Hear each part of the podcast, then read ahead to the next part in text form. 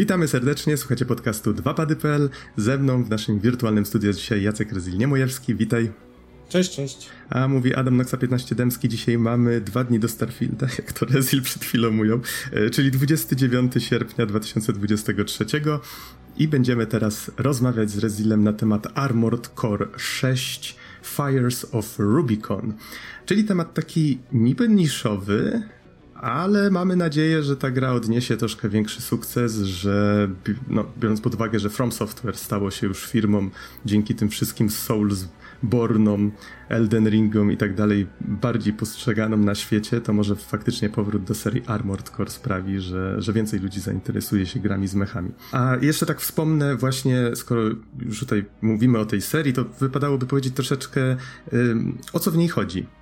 Bo pierwsza część wyszła w 97 na pierwsze PlayStation, więc to szmat czasu temu. I e, szczerze mówiąc, w ramach przygotowań postanowiłem sięgnąć po tę grę. Ty, Rezil, nawet w ramach przygotowań przeszedłeś chyba większość albo całą serię, tak? E, nie, przeszedłem tylko e, trzy pierwsze gry. Aha. Natomiast spróbowałem i zagrałem we wszystkie, wszystkie całą resztę. A, rozumiem. Natomiast Przez... już nie przechodziłem ich, bo e, chciałem jak najszybciej spróbować rozumiem. jak najwięcej. Chociaż to są krótkie gry, więc pewnie jak mi się uparł, można jej przejść. No prawda, że jedynkę skończyłem chyba w dwa dość długie wieczory, a przez, y, przez pierwsze trzy masz na myśli numerowane części, tak? Bo one tam mają jeszcze swoje y, dodatki, nazwijmy to. Y, nie, nie, mam na myśli pierwsze trzy, w sensie na PlayStation pierwszą. A, dobra. Na pierwsze PlayStation, no a potem Armored Core 2 czy Armored Core 3, no to już na PlayStation 2 to już tylko chwilę pograłem, nie, okay. nie, nie przychodziłem. Dobra, dobra, rozumiem. E, Okej, okay, to w, żeby zacząć, w takim razie troszeczkę informacji encyklopedycznych. Z tego co widzę w Armored Core 6 możecie zagrać na PlayStation 4, 5, na Windowsie, Xboxie One, Xbox Series XS. Gra wyszła 25 sierpnia, więc raptem przed weekendem. Bardzo szybko skończyłeś grę, od razu powiem. Ja jestem jeszcze w trakcie. Można powiedzieć, że mam kilkanaście godzin na liczniku, Resid już skończył. No i tak jak wspomniałem, grę stworzyło From Software, wydało ją Bandai Namco. Entertainment. No u mnie w planie to było zakończyć byle przed Starfieldem, żeby sobie zrobić miejsce na Starfielda i Armora chciałem zakończyć, natomiast grało mi się tak przyjemnie i tak e, lekko, że tak powiem, że, że się samo, prawda, skończyło. Mhm, rozumiem, rozumiem. I jeżeli chodzi o mechanikę i w ogóle takie ogólne założenia, już wspomnieliśmy o tym, że kierujemy tutaj mechami. Cała seria opiera się na tym, że jesteśmy jakiegoś rodzaju najemnikiem, mamy podział na misje. Z reguły są to misje dla różnych korporacji i my się tam pniemy w tej drabince, stajemy się coraz popularniejsi, wpływamy jakoś na konflikty różne, które się w tym świecie przedstawionym dzieją, zarabiamy pieniądze, kupujemy części, możemy tego swojego mecha w dowolny sposób modyfikować i w jedynce działało to dokładnie tak samo i w zależności od tego właśnie, jakie części weźmiemy, one mają swoje parametry, one wpływają na prędkość tego mecha, albo właśnie sposób, w jaki możemy się poruszać. Możemy, powiedzmy, wykorzystywać silniki, żeby gdzieś tam się unieść w powietrze, albo, e, albo łatwiej manewrować wokół przeciwnika, albo możemy po prostu zrobić takiego wielkiego kloca z gąsienicami, który ma właściwie całe uzbrojenie na, na plecach i, i po prostu siepać w lewo i w prawo rakietami. Więc możemy eksperymentować. I domyślam się, że o to właśnie w tej serii przede wszystkim chodzi. E, no i tutaj oczywiście w tej, w tej najnowszej części pojawiło się troszeczkę jakichś tam współczesnych udogodnień, nazwijmy to, bo z tego co e, jeżeli się nie mylę, to po raz pierwszy pojawiło się w tej chwili lokowanie widoku na przykład na namierzonym przeciwniku i, i tym podobne e, tak, udogodnienia. Jest hard locking, ale też on jest troszeczkę zrobiony tak, że jest wpisany samą mechanikę gry. Więc jeśli ktoś myśli o hardlocku takim samym jak jest e, w Soulsach na przykład, to nie do końca to jest to, bo tutaj jest zależne od tego, jaki wybierzemy system lokowania dla własnego mecha, co właściwie można powiedzieć, że bezpośrednio przekłada się na to, czy lokowanie jest dokładne blisko, w średnim zasięgu, czy w dalekim zasięgu. Zależnie jaki będziemy konstruować e, sobie pojazd mech. Mhm. I jedna ważna rzecz, którą wspomniałeś, nim zaczęliśmy nagrywać, czyli powiedz, czy potrzeba w ogóle znać poprzednie części? No tutaj mamy numerek 6, nie? To ktoś mógłby się tym zasugerować. No tak, tak. Tutaj tak jak w przypadku, jak nagrywaliśmy ostatnio recenzję Baldur's Gate trójki, osobiście uważam, że bardzo fajnie jest zapoznać się z jedynkami dwójką, bo było tych nawiązań znacznie więcej niż się spodziewałem i nawet są wplecione w główną fabułę, tak Armored Core 6 jakby wyszedł na zachodzie, a nie w Japonii, to myślę, że byłby po prostu nazwany Armored Core. Tak jak te słynne rebooty od dużych AAA studiów, gdzie po prostu zostawia się sam tytuł bez żadnego numerka i tak dalej i ma to, nie wiem, Tomb Raider czy Thief, gdzie, gdzie po prostu od nowa się jakby zaczyna e, przygodę z tą serią i, i ten Armored Core jest e, tak samo bierze wszystko to, co było fajnego, dodaje troszkę nowych rzeczy i idealnie się w ogóle wpasuje jako, mm, jako nowy tytuł, jako początek e, nowej przygody, można powiedzieć, dla, dla każdego, kto chce spróbować. Ta szóstka jest troszeczkę myląca, bo o ile jakby jest cała masa rzeczy, które były wcześniej, jak części mechów, czyli wygląd, czy choćby to, że jesteś najemnikiem, który działa e, bardziej dla, dla zysku niż dla dobra i, i zła, to tak naprawdę fabularnie nie ma tu absolutnie żadnych nawiązań. No, chyba, żeby już chodzić w takie bardzo nerdowskie szczegóły, gdzie pojawiają się podobne numery, tak, mechów i można oczywiście sobie tworzyć Aha. w głowie, że och, to jest to samo uniwersum, co ten Armored Core czy ten, ale y, można spokojnie w to grać. Już kiedyś mi wspominałeś, że te gry, ta seria już kilka razy przeszła taki soft reboot i w sumie ciężko tutaj powiedzieć, żeby to wszystko było połączone jakąś taką wspólną Tak, no nawet historią. Armored Core 3 był rebootem Armored Core 1 i yy, i też się starał jakby wplecić więcej świata, więcej fabuły, ale te gry, cała ta seria głównie opierała się zawsze na gameplayu i to gameplay był tym, co się najbardziej e, zmieniało, chociaż zmieniało w ramach serii.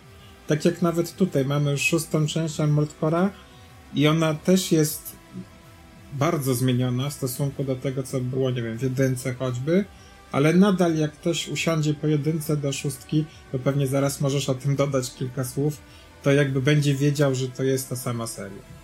Tak, tak, zdecydowanie. Tutaj bardzo, bardzo czuć właściwie, że cała struktura jest identyczna, ale może nim do tego przejdziemy. Zainteresujmy troszeczkę słuchaczy e, światem przedstawionym, fabułą, bo tu akurat wydaje mi się, że widać to doświadczenie, jakie From Software nabrało właśnie przy tych wszystkich Soulsbornach. Oni tak bardzo taką przytłaczającą atmosferę w tych grach budują i wydaje mi się, że tu udało im się yy, w pewien sposób do tego nawiązać, bo niby mamy tutaj science fiction, mamy w tym przypadku nową planetę nazwaną Rubicon, przybywamy do niej na, na jakimś statku kosmicznym, jesteśmy tam zrzuceni właściwie um, z atmosfery i od początku tworzy się nam właśnie taki bardzo ciężki klimat. Jest jakaś osoba, która się z nami kontaktuje, to jest ten handler Walter, tak, jeżeli dobrze pamiętam.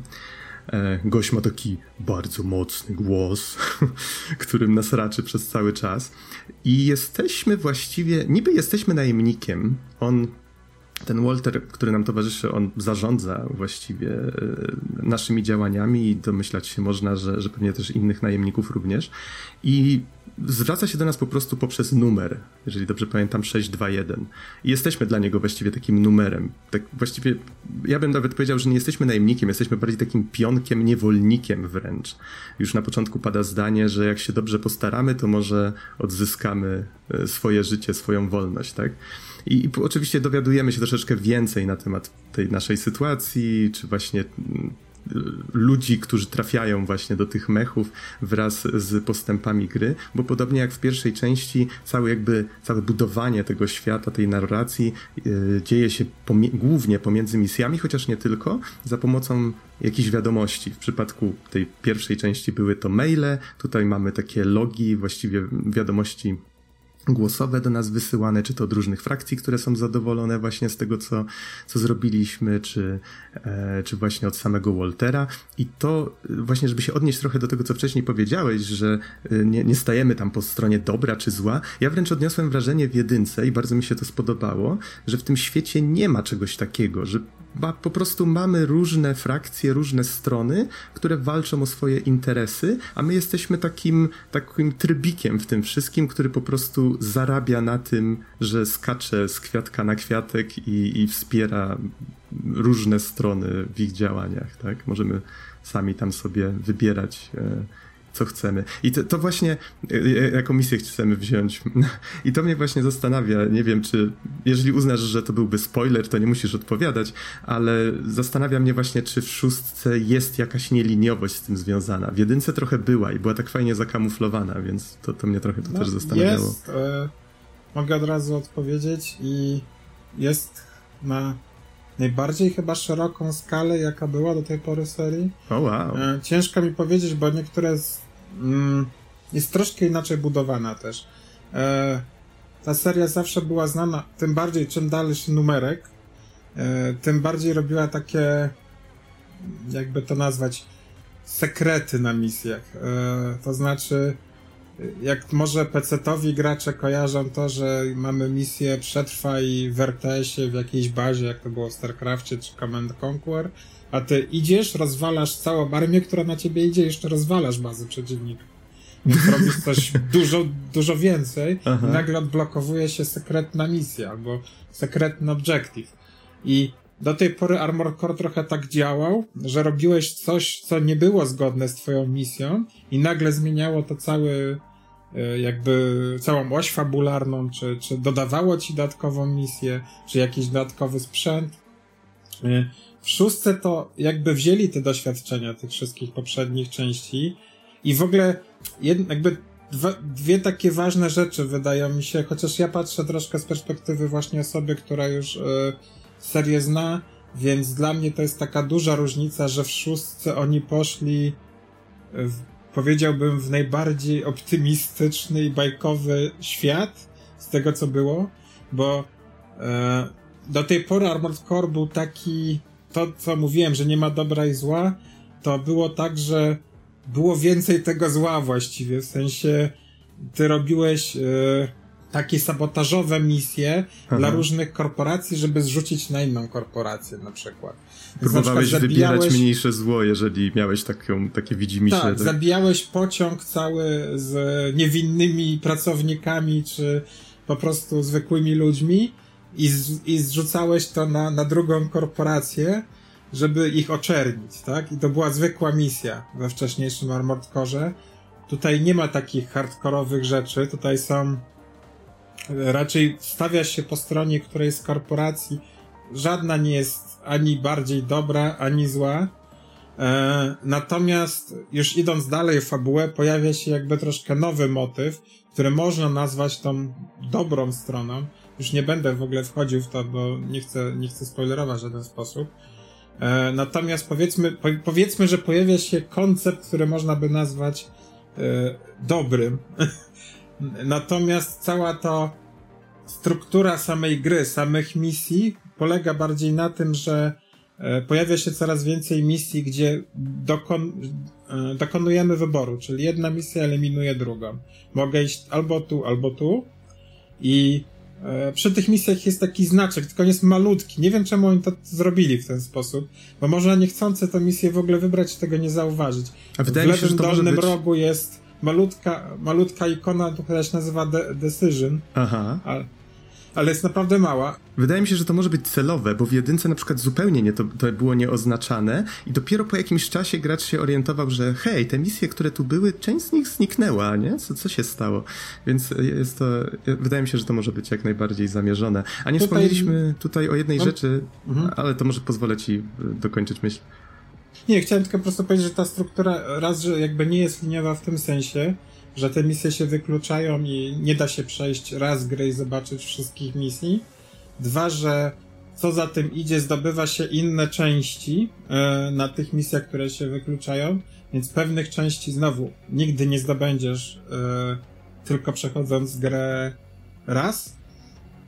A jeszcze jest taki temat, e, no to już wchodzimy dalej w temat New Game Plusa, ale to tylko co chcę powiedzieć, co jest ważne, że tam dochodzi jeszcze nowy system tego, że w czasie misji można, które już się przechodziło wcześniej, można dokonać innych wyborów. Nagle pojawia się narracja zupełnie inna w tej samej misji, którą już robiłeś i nagle się okazuje, o, a mogę stanąć po tej stronie, a, a wcześniej nie miałem w ogóle takiego wyboru, więc e, jakby otwiera się ta gra e, na, na takie aspekty, które no, nie były do, dostępne wcześniej i żeby w pełni zobaczyć to, co ta gra oferuje fabularnie, no to e, trzeba ją przejść e, kilkukrotnie, natomiast też jak przejdziesz je raz, to jakby już w głowie mniej więcej wiesz, czego się spodziewać przy tym drugim i trzecim przejściu i gdzie ta fabuła prowadzi,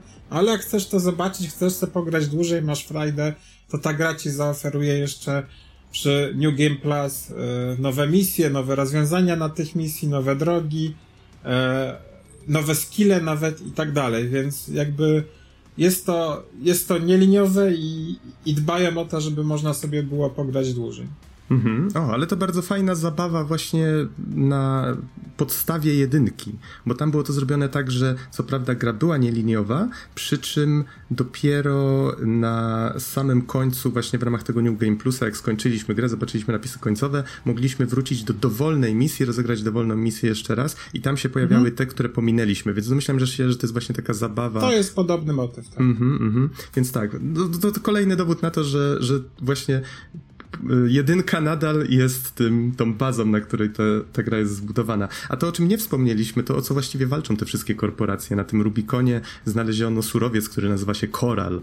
I mamy właśnie te korporacje, które próbują go zdobyć. Jest y, wiadomość, właściwie na samym początku dowiadujemy się, że ten coś zaszło, takiego jakaś, jakiś wielki kataklizm na tej planecie, że wydobycie tego korala sprawiło, że planeta właściwie zapłonęła ogniem i, i, i została skażona w jakiś sposób. Mamy tam też e, frakcje ludzi, którzy żyli na tej planecie, czy żyją na niej nadal i walczą o wolność, czy w sumie nie jestem pewien o co tak właściwie jeszcze y, i, i, i co jest ciekawe... To wszystko jest wytłumaczone. Tak, tak, domyślam się. Natomiast jak oni się pojawiają, to to, co mi zwróciło moją uwagę bardzo fajnie, że e, pierwsze spotkanie z nimi gdzieś tam w jednych z pierwszych misji, to oni zaczynają krzyczeć za koral, czyli za ten surowiec i tak człowiek się zastanawia, kurczę, to jesteś fanatycy czy coś? Więc jest tu trochę kilka właśnie takich fajnych, dość nietypowych motywów które się fajnie łączą w całość. No ten motyw jest bardzo zbliżony do tego z Dune, więc jak ktoś, mhm. jak ktoś kojarzy Dune i walkę o Spice, to ten Coral to jest taki bardzo odpowiednik Spice'a, gdzie są takie grupy fanatyczne, bo on jest też, on też służy właśnie do tego, tutaj dokładnie nie jest to wytłumaczone, ale w jakimś sensie polepsza to ludzkość. Ludzkość przechodzi przez kolejne generacje i, I te generacje właśnie są oparte na tym, ile tego korala jest w człowieku, jak, jak to jest y, synkowane w DNA.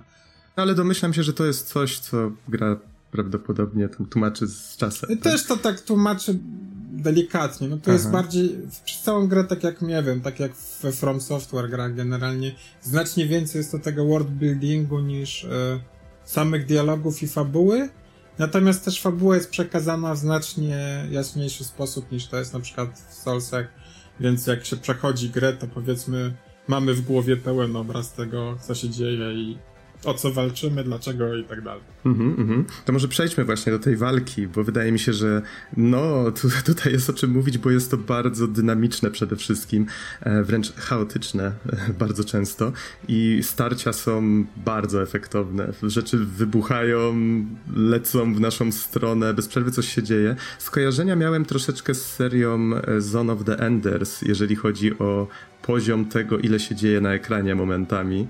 I przyznam szczerze, że przy niektórych starciach, głównie z bossami, czułem się trochę właśnie jak w tamtej serii, gdzie e, czasami się zastanawiałem, zastanawiałem, ile w tym, że udaje mi się coś zrobić, to jest faktycznie skill, który nabywam, a ile to jest po prostu chaotyczne naciskanie przycisków, żeby jak najszybciej robić uniki albo robić inne tego typu akcje. Y, więc jeszcze jestem troszeczkę skonfliktowany pod tym względem. Mam wrażenie, że jak gram na przykład w takie Soulsy w Elden Ringa, to trochę, trochę bardziej wiem, co robię.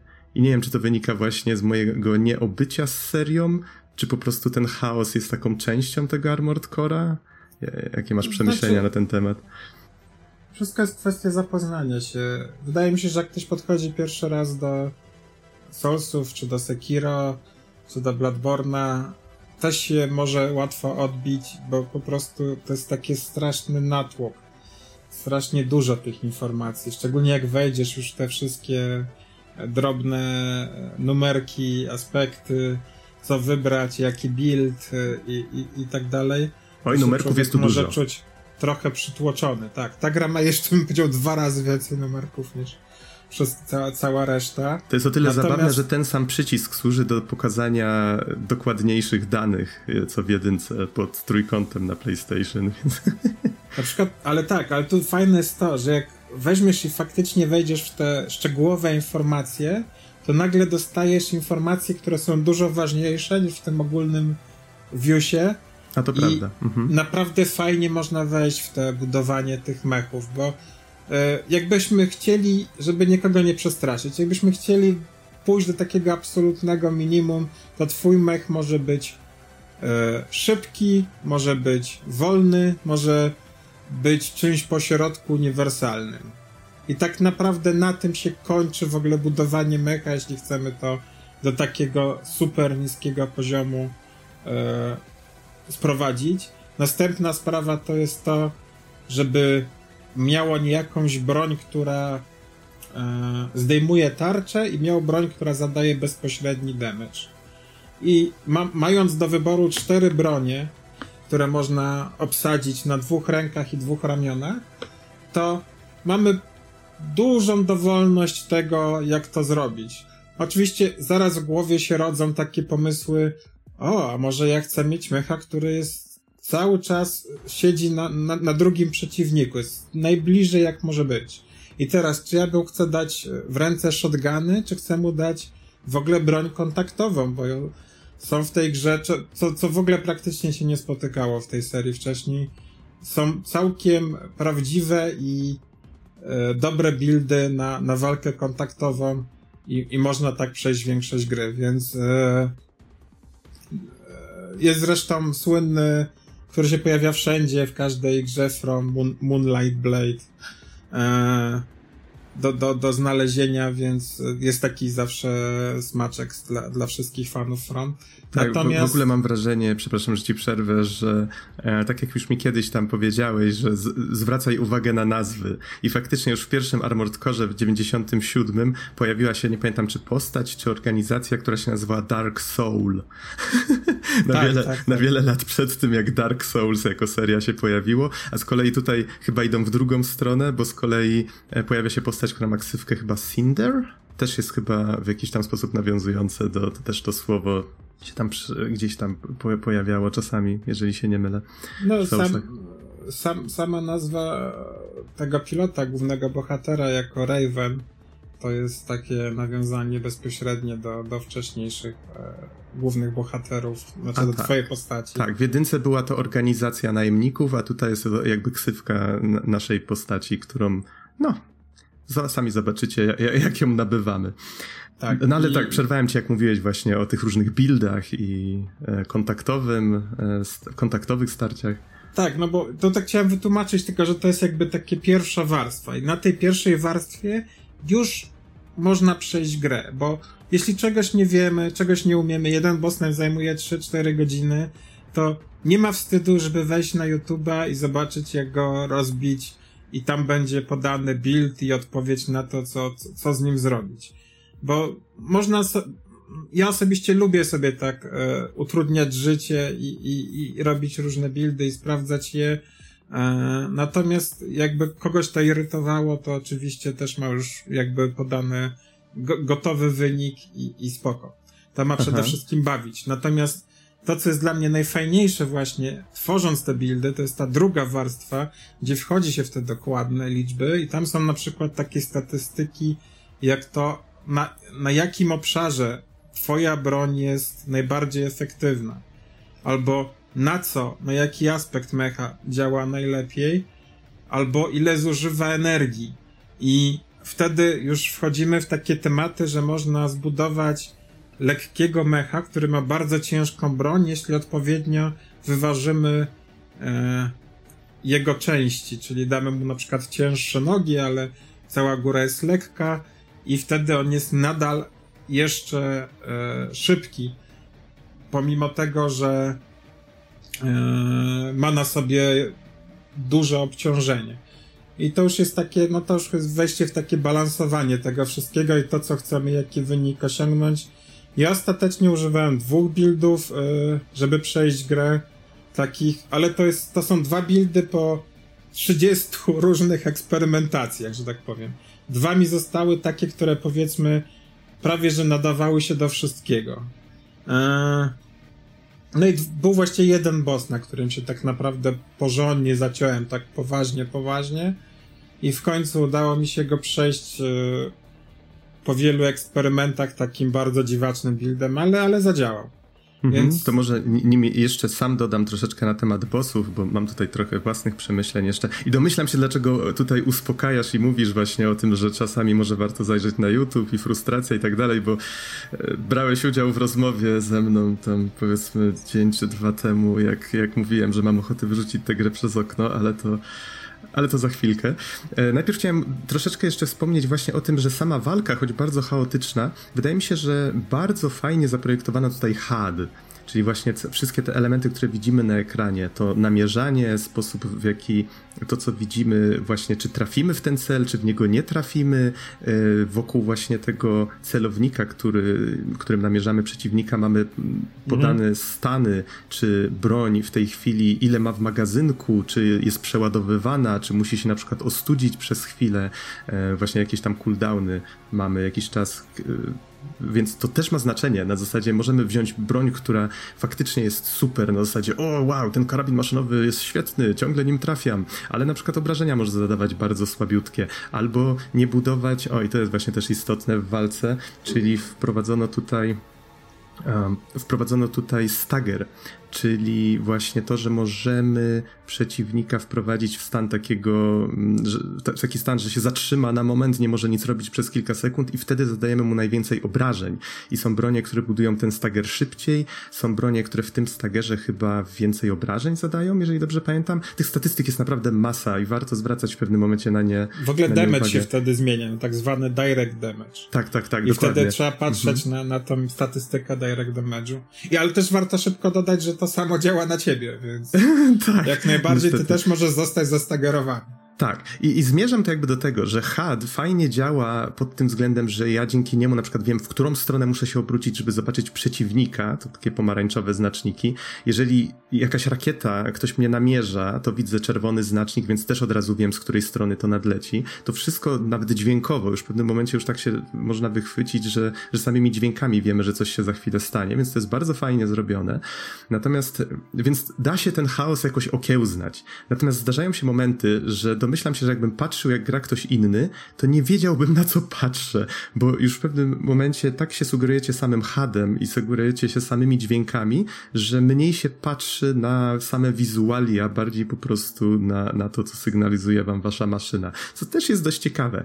Ale to, do czego zmierzam cały ten czas, czyli właśnie te walki z bossami, bo wydaje mi się, że tu trochę przegięto pod tym względem, że sama gra no powiedzmy nie jest najprostsza, ale nie jest też jakaś trudna szczególnie. Po prostu trzeba uważać na to, co robimy i wtedy przez wszystkie misje można tam jakoś sobie faktycznie e, przefruwać. Mamy tutaj troszeczkę tego power fantasy, że, że kierujemy tym mechem i, i nawet w pewnym momencie poczułem, że specjalnie twórcy rzucają we mnie takimi maksymalnie prostymi um, przeciwnikami, żebym po prostu przefruwał przez nich jak przez masło i, i poczuł się z tym dobrze, tak, że oho, oho, jaki to ja nie jestem potężny.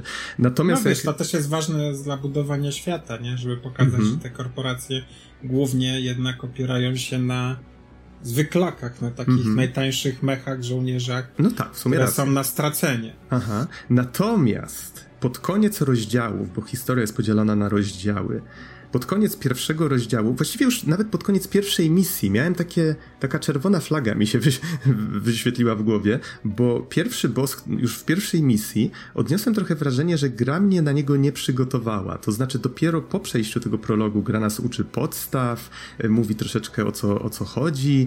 Um, i w tej pierwszej misji musimy pokonać taki pojazd latający, który, który trzeba zestagerować i wtedy można go w miarę prosto i szybko pokonać. Natomiast gra myślę, że za słabo to sygnalizuje.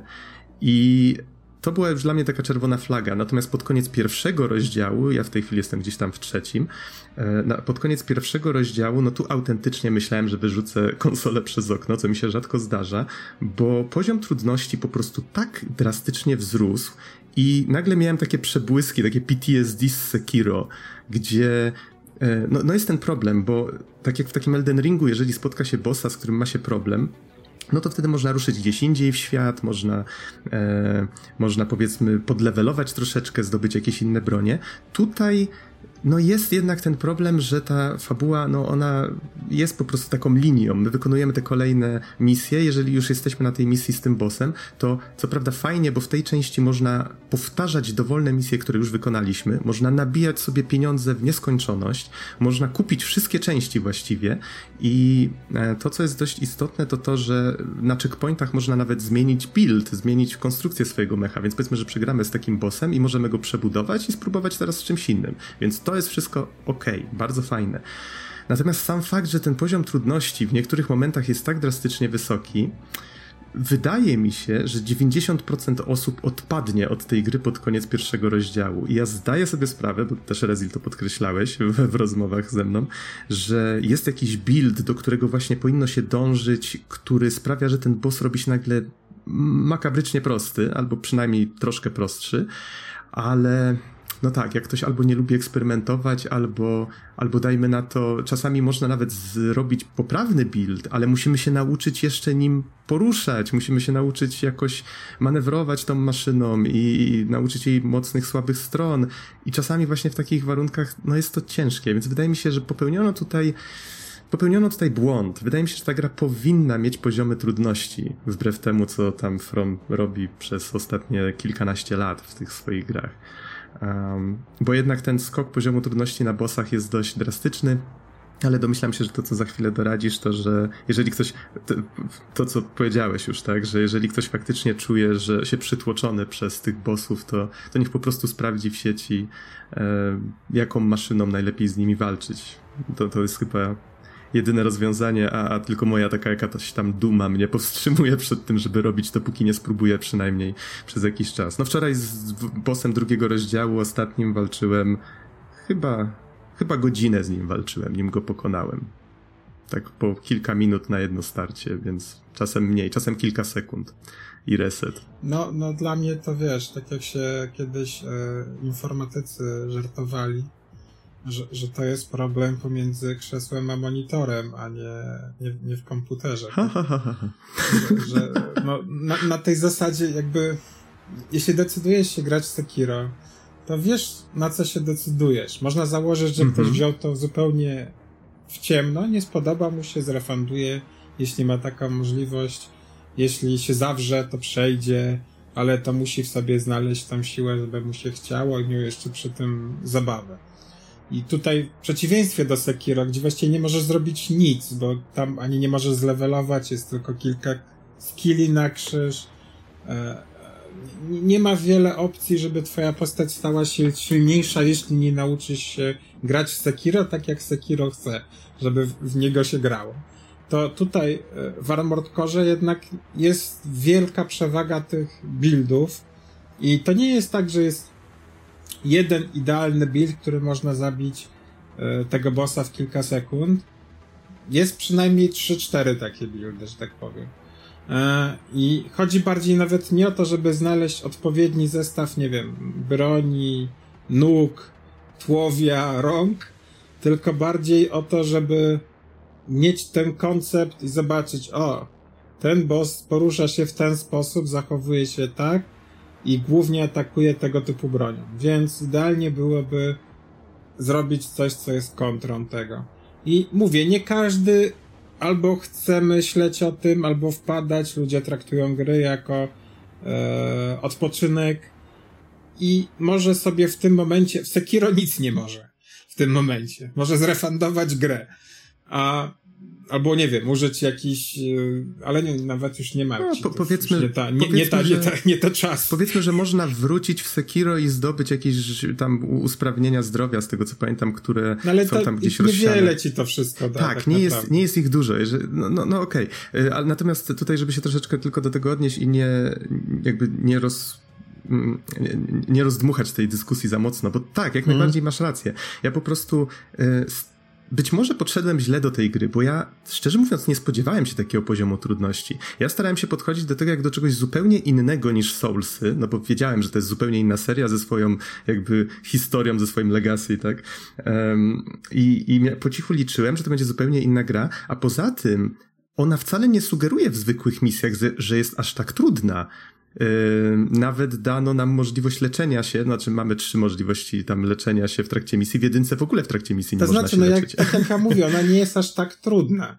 Dla mnie nie istnieje Aha. to, że jest tak trudna. Ja rozumiem o co ci chodzi. Chodzi ci o to, że uniwersalnym mechem możesz przejść nie, nie, nie, przez zwyklaków bez problemu i zacinasz się na chodzi, chodzi mi o to, że gra tak, że, że jest bardzo duży wzrost, nagły, nagły wzrost poziomu trudności i gra nie uczy cię, jak radzić sobie z tymi rzeczami. To znaczy, walka z tymi zwyklakami w trakcie normalnej misji, ona nie przygotowuje cię na to. Gra ma tryb treningowy, ale on się zaskakująco szybko kończy. On ci tylko mówi, możesz tworzyć mechy takie, takie i takie. I to są jakieś tam podstawowe różnice między nimi. No ale... tak, no ale cały point tej gry jest, żebyś nie był przygotowany na starcie z mechem, e, z bossem. E, wiesz co, chodzi mi trochę inaczej. Chodzi mi o taki game design na zasadzie, okej, okay, w pewnym momencie pojawiają się nowe części w sklepie i nawet część z nich ma opisane, hej, ta broń służy do konkretnej rzeczy, ułatwia na przykład zbicie konkretnego rodzaju osłon, mhm. ale jeżeli ktoś, ja, ja na przykład nie mam ochoty grzebać w tym aż tak, widzę, że o, pojawiło się 10 nowych części, ojeju, ile tego jest, lecę do kolejnej misji, bo po co się tym zajmować, nie? I w pewnym momencie właśnie wskakuje ten boss i ty nie masz pojęcia, co się w tym sklepie znajduje, a tam może być coś, co ci może pomóc, nie? No i problem jest też taki, że w tym menu y, w checkpoincie, jak zginiesz, to nie możesz kupić tej części, musisz zacząć misję od nowa. No, ale misje są ekstremalnie krótkie. Tak, w sensie, nie, nie są super drugi długie. raz misję, to jest, nie wiem, czy jakakolwiek jest dłuższa niż 10 minut. Więc akurat się, akurat wydaje mi się, że w tym przypadku From przegięło, że mogli to zrobić inaczej, nie musieli iść właśnie w zaparte w ten super poziom trudności. Myślę, że dużo lepszym sposobem, taka propozycja alternatywna, jak to mogło być rozwiązane, na przykład, żeby na początku chyba niektóre MGS-y, Peace Walker chyba tak robił, że masz powiedzmy jedno spotkanie z danym bossem i jeżeli potem chcesz, to masz podobną misję z tym samym bossem, ale dużo trudniejszą, taką jakby odsuniętą od fabuły, na zasadzie mhm. takie wyzwanie dla graczy, którzy, którzy mhm. chcą się bardzo sprawdzić, nie? Bo naprawdę się boję, że masa osób, masa osób odpadnie od tej gry przez to, jak trudne są te walki kończące rozdziały. Mi się wydaje, że dzisiaj to jest takie rozwiązanie, że wchodzisz na YouTube i patrzysz, jaki jest opcja. Znaczy, no mówię, poza jednym bossem w tej całej grze, to nie wyobrażam sobie sytuacji, żeby ktoś zbudował tego mecha, e, który jest polecany na, na YouTubie i sobie nie poradził. Bo to, bo to dochodzi do takiego miejsca, gdzie stoisz na polu bitwy z bossem, strzelasz i on pada. Praktycznie, e, jeśli, jeśli zrobisz taki idealny kontr tego bossa, tak? To te buildy są naprawdę proste. Tam już wystarczy tylko czasem unik nacisnąć, pojechać w bok, pojechać w drugi bok i tyle. Czy, czy, przy niektórych naprawdę nawet stać. No, ale też myślę, że myślę, że trochę mierzymy, wiesz, naszą miarką, no bo ja, ja, uważam się za osobę cierpliwą, która no, sporo, sporo jednak zjadła zębów na, na grach. Ty jeszcze bardziej y, jesteś hardcorem w moich oczach, więc wydaje mi się, że trzeba trochę spojrzeć na to, wiesz, Wydaje mi się, że wiele Ale osób może mieć z tym gracz, problem. nazwijmy to casualowy, czy korowy nawet gracz, yy, nie kupuje tej gry na zasadzie, przynajmniej takie A, ale ona nie jest, Ale ona nigdzie nie jest reklamowana jako gra trudna. Jak ktoś skupuje Soulsy, to wiesz, już taka powszechna nie, jeśli kupujesz grę From Software, to zakładasz, że ona jest trudna. Dobrze, nie, w, takim razie, w takim razie popełniłem błąd, przepraszam. okay, nie ma łatwej się, gry że... From Software. No dobra, teraz mi ktoś powie, że jest, bo przecież jest ta wiarowa gra, o Jezus, e, Deracine, tak, tak, tak, tak. Ona pewnie nie jest tak hardkorowa. Nie, nie, nie, nie, skończyłem jej, kiedyś tam przeszedłem całkiem sporo, ale nie, e, nie, nie jest trudna, to, to mogę potwierdzić. Natomiast... E, Dobrze, skończmy akurat dyskusję na ten temat. Wydaje mi się, że, że, sporo na ten temat powiedzieliśmy i nasi słuchacze już sobie zbudowali jakiś tam obraz w głowie mm, tego, z czym być albo może... Albo ich strasznie zmieszaliśmy. Albo ich, bardzo, albo ich bardzo zmieszaliśmy, tak. No, no gra jest momentami bardzo, bardzo prosta, momentami bardzo, bardzo trudna.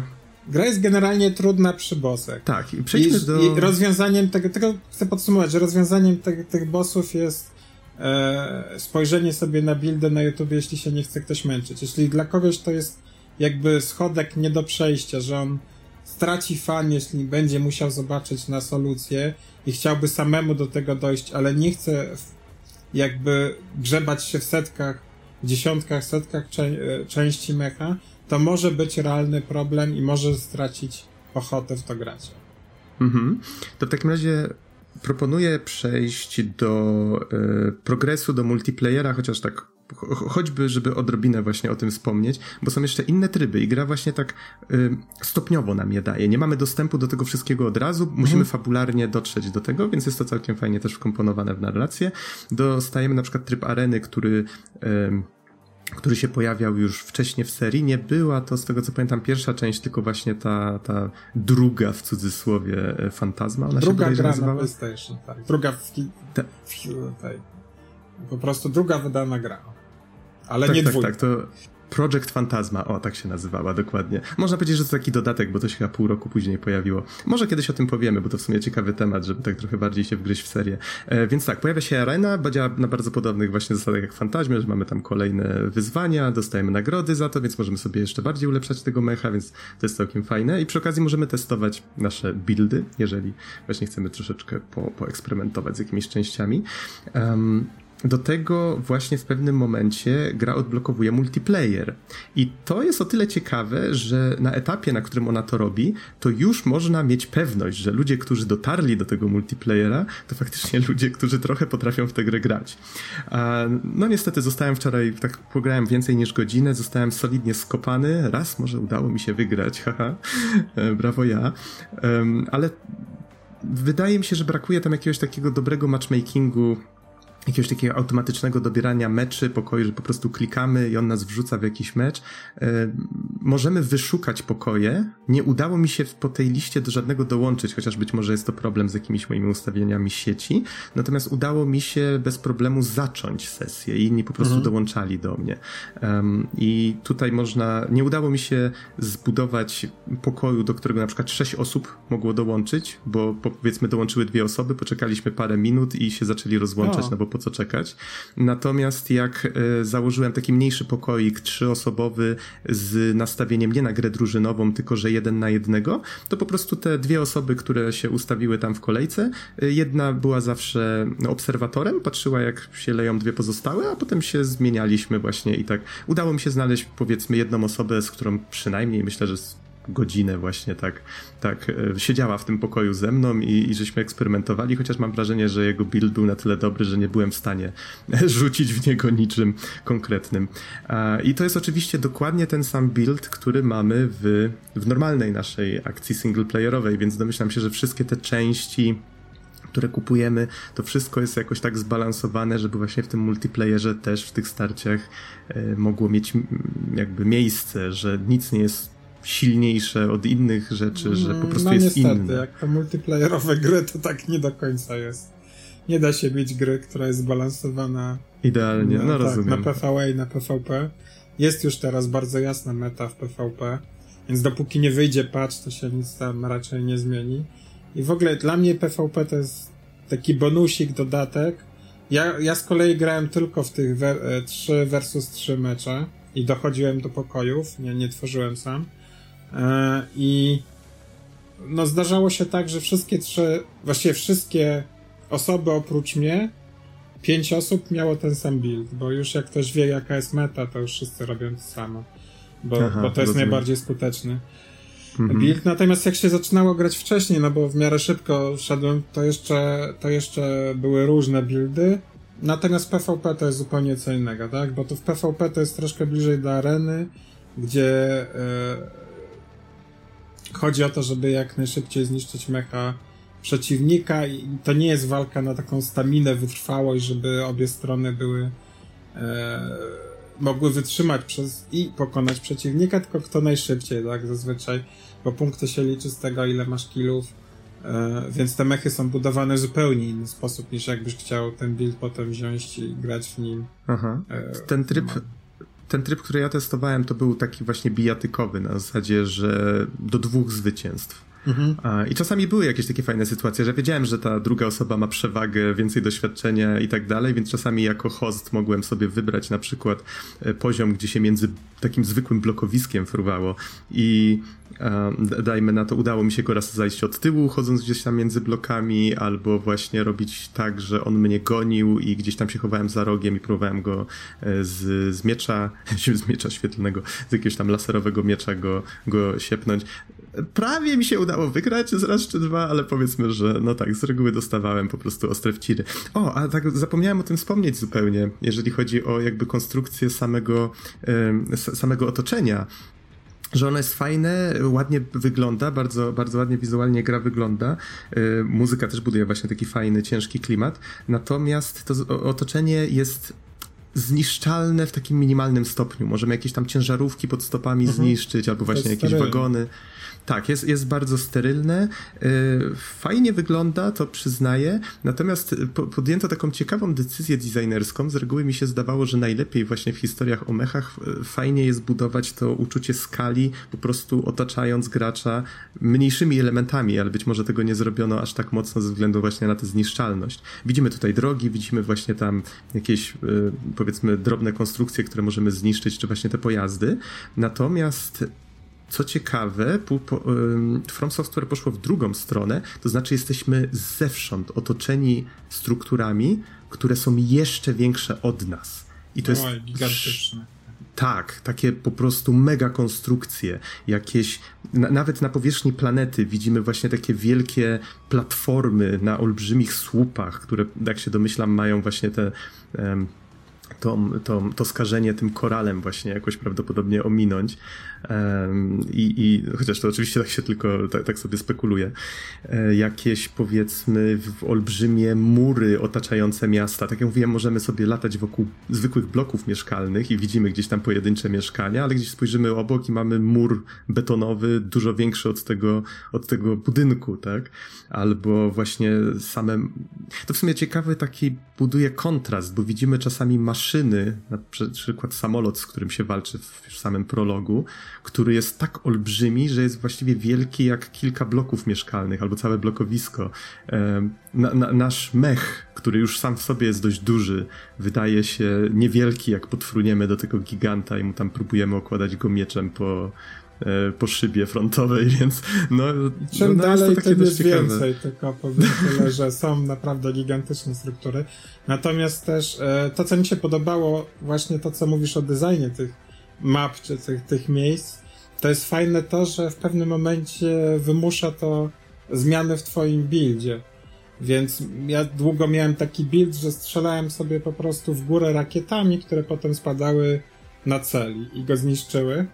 Ale w momencie, kiedy nagle wpadłem w misję, e, w cudzysłowie mówię, żeby nic nie zdradzać, kanałową. No, z sufitem. Tak, z sufitem po prostu, to nagle większość tych rakiet przestała mieć sens, no bo one się rozbijają o sufit. Więc nagle trzeba myśleć albo coś, co strzela centralnie w przód, albo może w ogóle wymyśleć jeszcze coś innego. Dochodzi aspekt tego, e, że możesz na ramiona wsadzić bronię. I wtedy możesz wymieniać pomiędzy broniami na przykład dystansowymi i, i, i tymi z bliska. I trzeba zacząć główkować, trochę myśleć, jak do tej misji dostosować swój build i mecha, żeby było żeby te bronie po prostu nie były bezużyteczne. Mhm, tak, więc zdecydowanie, jak ktoś lubi eksperymentować, to jest chyba hasło przewodnie tej gry. E, Kostymizacja, to... tak, kostymizacja. Kostymizacja na, na tak. pewno to jest hasło, które jest dla wszystkich hardcore'ów ważne, ale tutaj, tutaj jest esencjonalne. Tak, jak chcecie, możecie malować całą swoją maszynę na różowo, walnąć wielkie serduszko gdzieś tam dekalem, e, nawet możecie dzielić się ze znajomymi e, swoją grafiką, którą zrobiliście. Jeśli Dziękujemy jesteście i... na tej samej platformie. Tak, o, niestety, niestety tak. Co się przekonaliśmy, bo dziękujemy Easy, zrobiłeś bardzo ładne logo dwóch padów, które możemy teraz dzielnie w multiplayerze przegrywając yy, mieć na, na mechu. Na PlayStation. Y, tak, na PlayStation. No niestety tobie musimy Rezil zrobić na PC, ale to. Da się zrobić, da się zrobić. Szkoda, że nie można tego współdzielić jakoś z różnymi platformami. E, no tak, ale to już powiedzmy tam na marginesie takie śmieszki, heheszki. Można robić z tymi mechami bardzo różne dziwne rzeczy. E, przejdźmy do podsumowania. I proponuję tak, najpierw zadam ci pytanie, bo ty jako osoba, która przeszła, ile tak mniej więcej szacujesz, że przejście gry po raz pierwszy, bo tak jak mówisz, powinno się w nią grać dalej, tak? Nawet, nawet mam dosyć dokładne rzeczy. estimaty, bo Aha. też przygotowałem się oglądając dużo recenzji, widziałem już całe walkthroughsy, widziałem speedruny e, i wygląda to mniej więcej tak, że pierwsze playthrough powinno ci zająć około 20 godzin, plus minus. Wiadomo, czy masz dobry build, czy lecisz szybko, czy zwiedzasz, bo na planszach rozrzucone są też czasem przedmioty poukrywane, więc i tak dalej, czy eksplorujesz, czy nie, ale mniej więcej 20 godzin. Natomiast e, jakby to powiedzieć, zobaczenie całej fabuły, czyli zrobienie tych tytułowych 100%, to jest około 40-50 godzin. Okej. Okay, Ale jedno przejście szczęście... to jest 20 godzin i jesteś usatysfakcjonowany, że tak powiem. Aha. Jak znam życie dla mnie, to będzie 30, jeżeli tak dalej będzie mi z bossami szło. Um, natomiast dobrze wiedzieć, że nie jest to kolejna gra na 100 ileś godzin, bo zbliża nam się październik, który jest po prostu pod korek.